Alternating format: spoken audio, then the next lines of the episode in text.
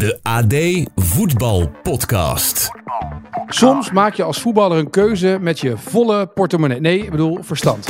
En geef je uitleg aan die keuzes. Maar ja, je weet, die woorden komen als een boemerang terug. Nog geen vijf maanden geleden zei Jordan Henderson over zijn vertrek naar Saudi-Arabië het volgende. It's exciting times, you know. The, project and, and, something different is, is definitely a, a reason why I wanted to come here. And, and um, over the next few years, I'm sure it will grow. And um, I want to be part of that to try and help it grow. And um, I love football, so I want to try it to grow all over the world. En nu wil hij dus zo snel mogelijk weg. Etienne Verhoef. Hoi, dit is de AD Voetbal Podcast van 10 januari. We gaan het allemaal bespreken vandaag met Johan Inan. Heerlijk is een quoteje als je dat gezegd hebt, Johan. Ja, Project had hij het over. Ja, je moet het woord project niet veel noemen, hè? Project was gewoon eh, een zak geld. Maar over Ja. projecten gesproken, stel dat hij voor Ajax kiest, ja, dat is wel echt een project. Ja, is dat ook een project of niet? Of is het dan ook na een jaar niet dat meer is, dat is geen, ehm, geen geldproject, maar dat is echt een project dat hij kiest voor, ehm, eh, voor de uitdaging om een eh, gevallen topclub weer om, omhoog te stuwen met zijn eh, leiderschap. Ja, jij hebt bij deze al gelijk gezegd wat Ajax eigenlijk gaat zeggen tegen hem, of niet? Dit gaat ongeveer het verhaal worden. Ja, want ehm, ja, het verhaal van, van Ajax is, is kraakhelder. Die zijn eh, ver afgegleden in anderhalf, twee jaar tijd. En eh, de conclusie die ze eh, binnen de clubleiding nu trekken, is dat dat ook het gevolg is van een gebrek aan leiders binnen de selectie. Afgelopen zomer natuurlijk twaalf spelers gehaald, waarvan elf buitenlanders, veelal jong ook. En ja, we hebben met John van het Schip gezeten, met, met Kelvin de Lang tijdens het trainingskamp in Spanje. En dan hoor je dat ze nu ja, met elkaar toch echt wel de conclusie trekken van het zal wel handig zijn voor deze groep als we er een paar eh, routiniers bij krijgen.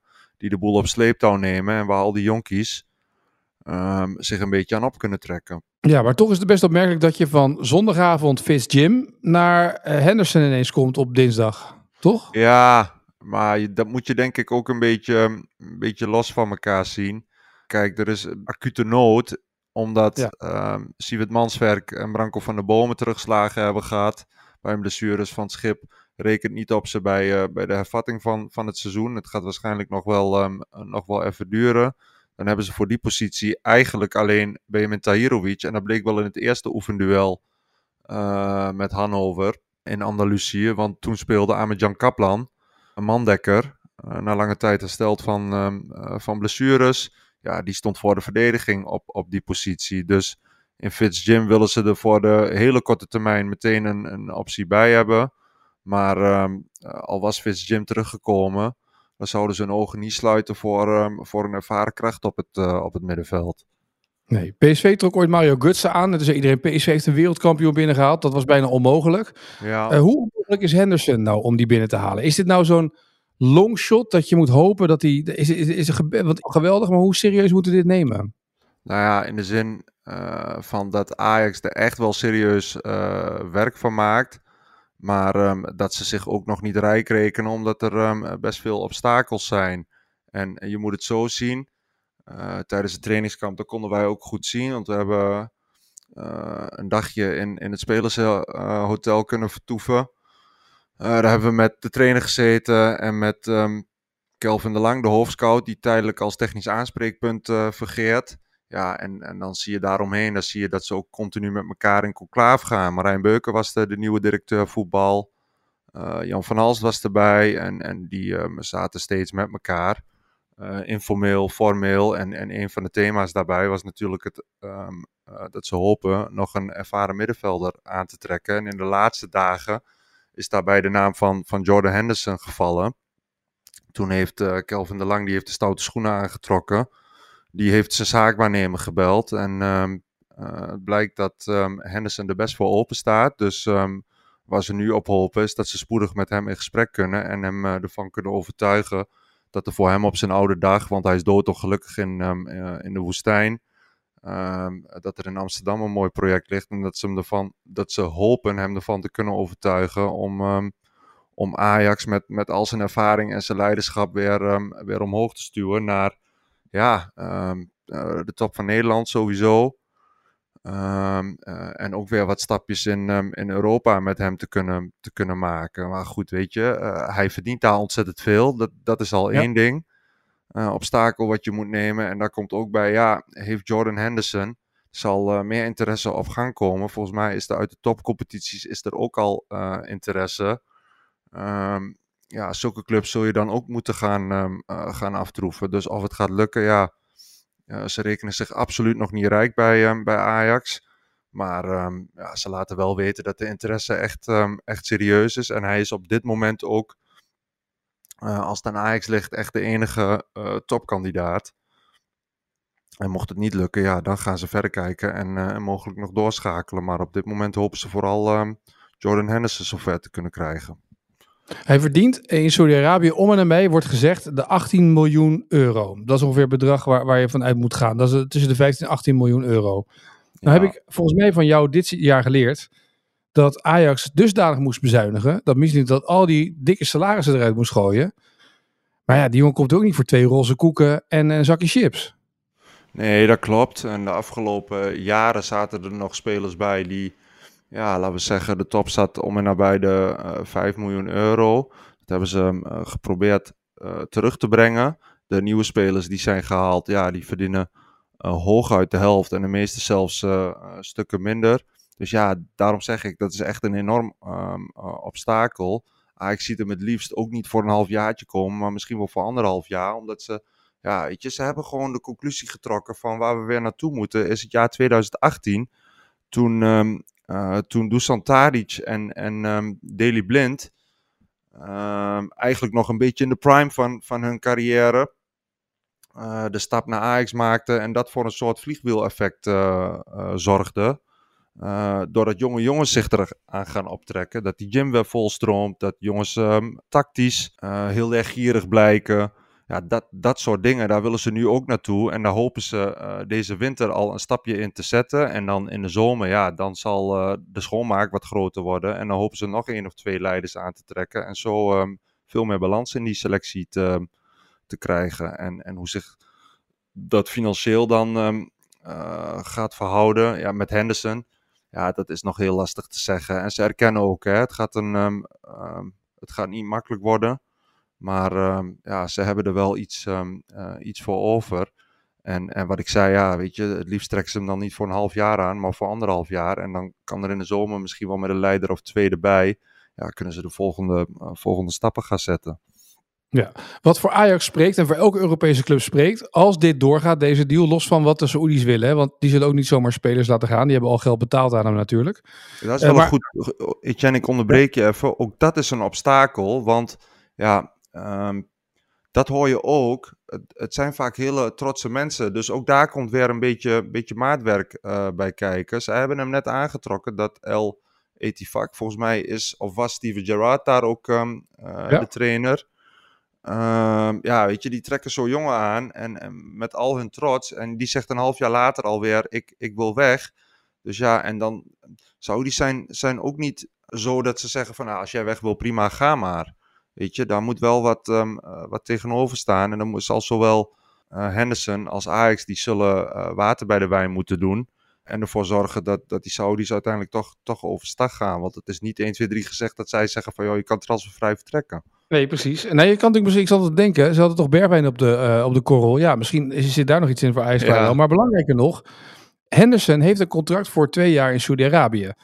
Uh, daar verdient hij zijn geld belastingvrij. Uh, en wil hij nu teruggaan naar uh, Engeland, wat zijn voorkeur schijnt te zijn, de Premier League, dan heeft hij wel een probleem, want dan moet hij dus heel veel belasting gaan betalen.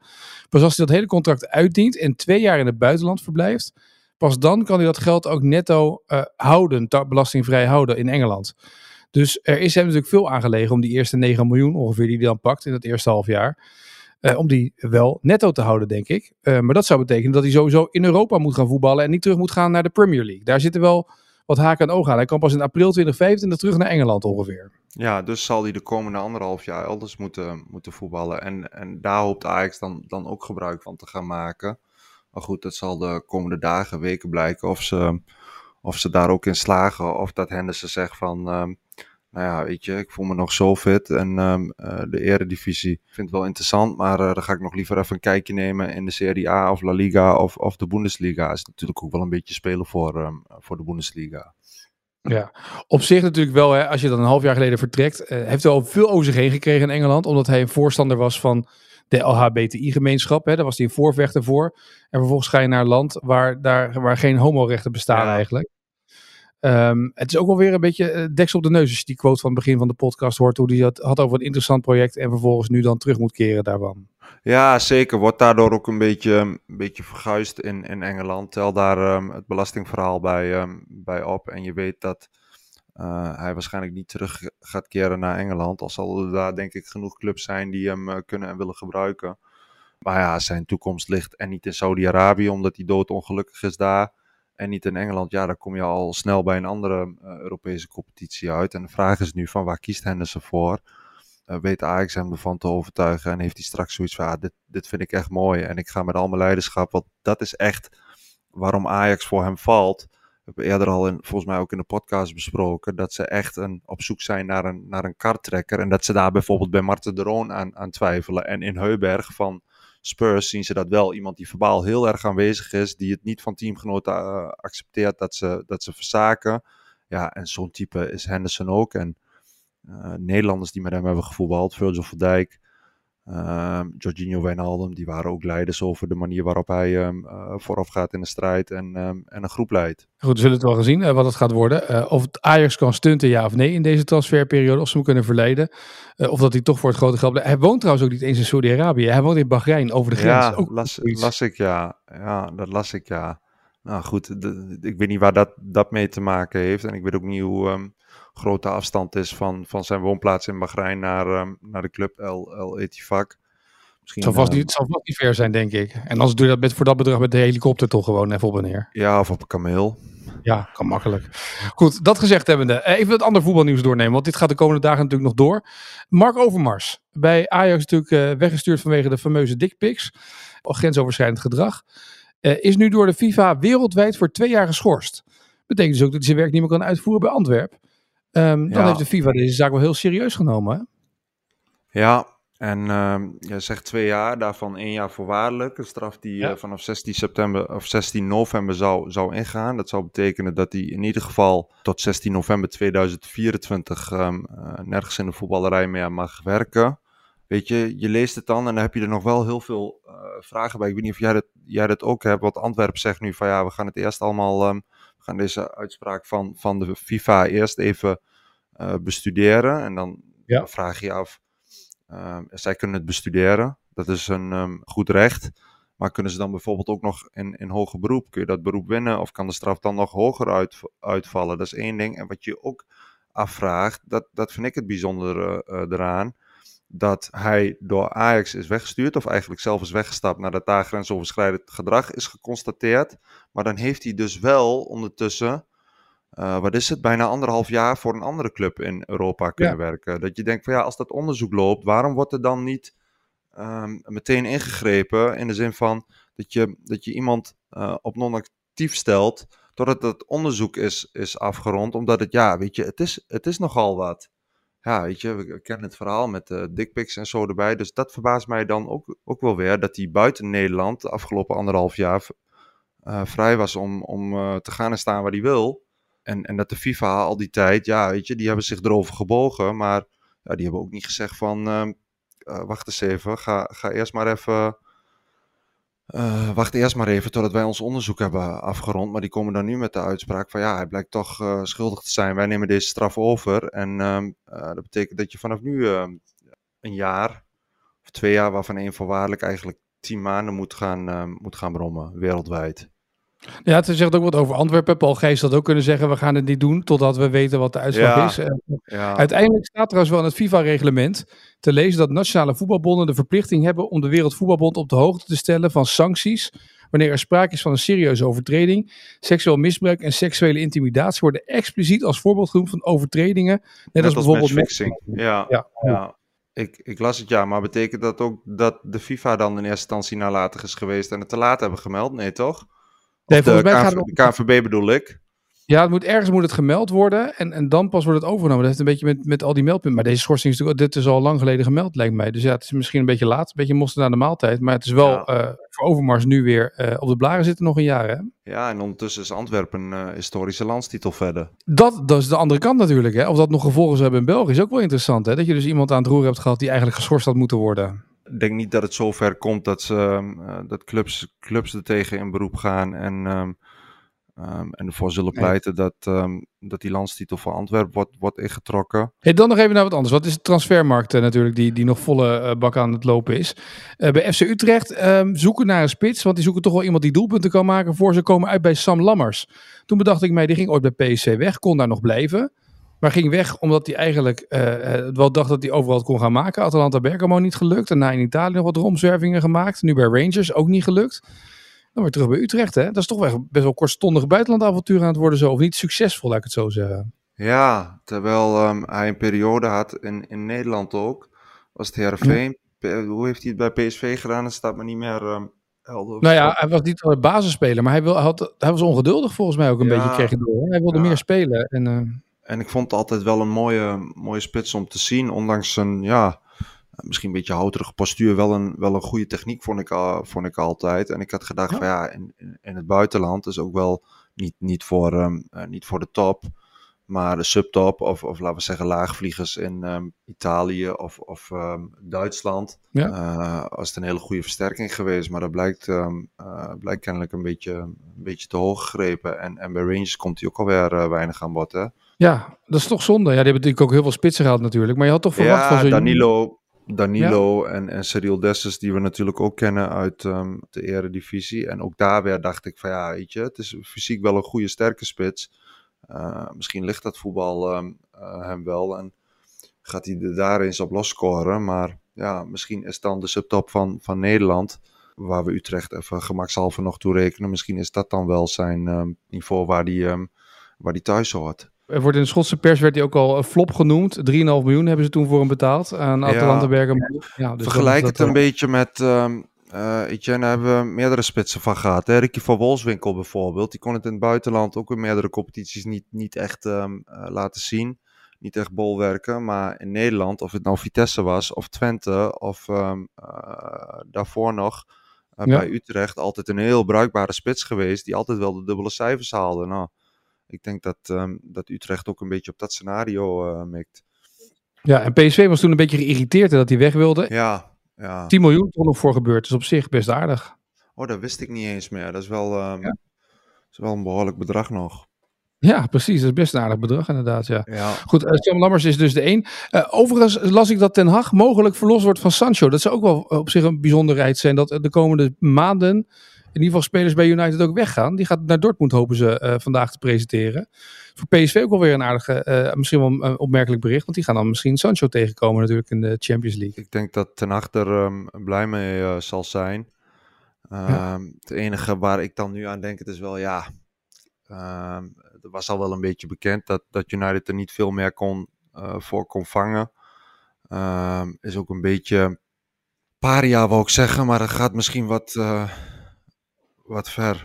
Uh, nou, binnen het nog wel, hè, want hij moest natuurlijk zijn excuses maken aan Ten Hag uh, voor zijn gedrag. Ja. Uh, en dat is niet gedaan. En, en dus is het dan vanzelf natuurlijk in die selectie een paria. Nou ja, hij is een, een beetje een problem child geworden. Eigenlijk ja. wat, wat Ten Hag eerder met, um, met Ronaldo meemaakte. Nu, um, nu geldt dat voor Sancho. En, en die excuses, ja, daar wilde hij niet aan. Dus ik denk dat Ten Hag er niet rouwig om. Uh, is dat, dat hij terugkeert naar, uh, naar Dortmund. En de verhalen van, van de laatste maanden waren ook een beetje dat er in Sancho een soort splijtswam um, uh, school. Die ja. misschien wel Rashford en, en Martial ook een beetje, beetje meetrok. Dus in die zin um, zal Ten Hag er heel, um, er heel blij mee zijn.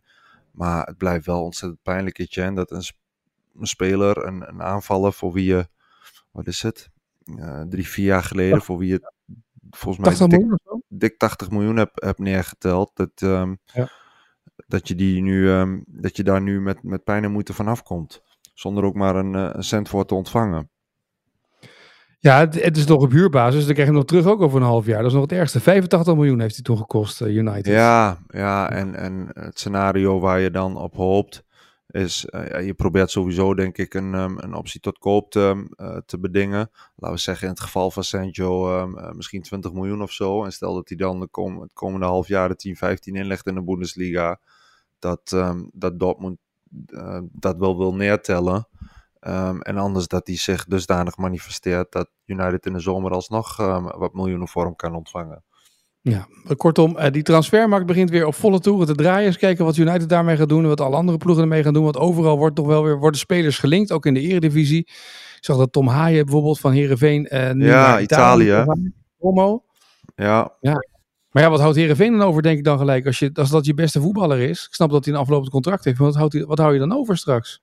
Ja, Heerenveen wordt al jaren, het lijkt wel of die selectie steeds minder wordt. Wat dat betreft, ja, het lijkt alsof uh, Kees van Wonderen ondermaats presteert. Maar ik vind dat helemaal niet hoor. Als je, als je ziet hoe die uh, selectie eigenlijk door de jaren heen is, is ontmanteld.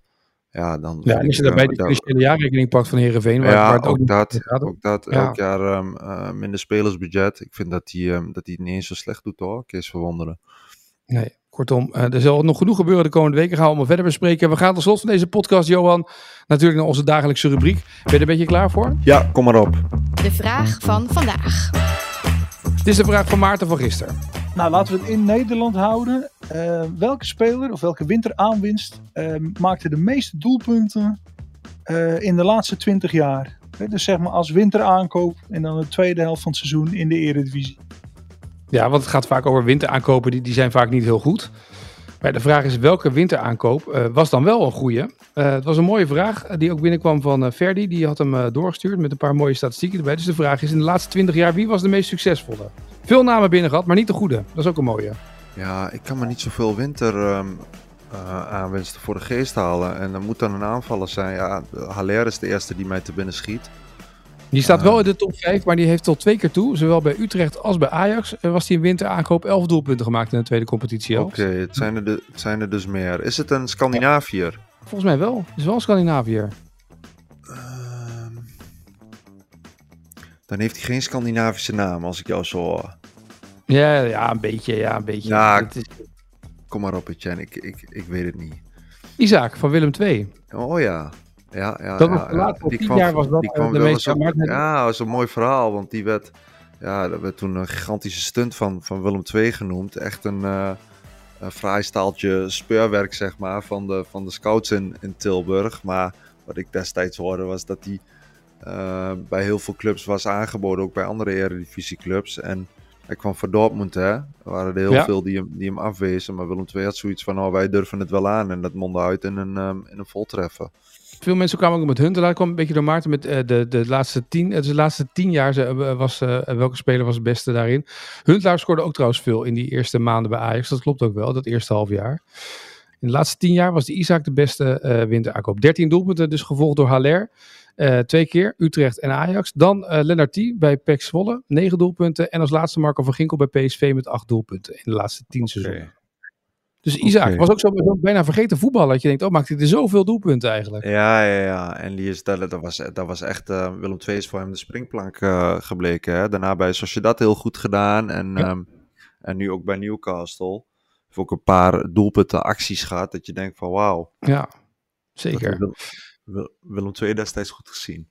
Zeker, dat heeft uh, Joris Matthijssen was dat toen. Hè? Die, dat, uh, die had toen allemaal, er gingen toen allemaal verhalen in het begin hoe goed Matthijs aan het scouten was bij de Bundesliga, bij die tweede elftallen van de Bundesliga en dat ja. soort dingen allemaal. Ja. Ah, ja, ja, dat soort dingen. Mooi. En nog een vraag voor morgen. Hebben we nog een leuke vraag? Uh, ja, we hebben het natuurlijk in deze podcast lang over Jordan Henderson gehad. Mm -hmm. hij voetbalt bij Etifak, El Etifak nog. En mm -hmm. Uh, daar voetbalt hij samen met uh, Jorginho Wijnaldum.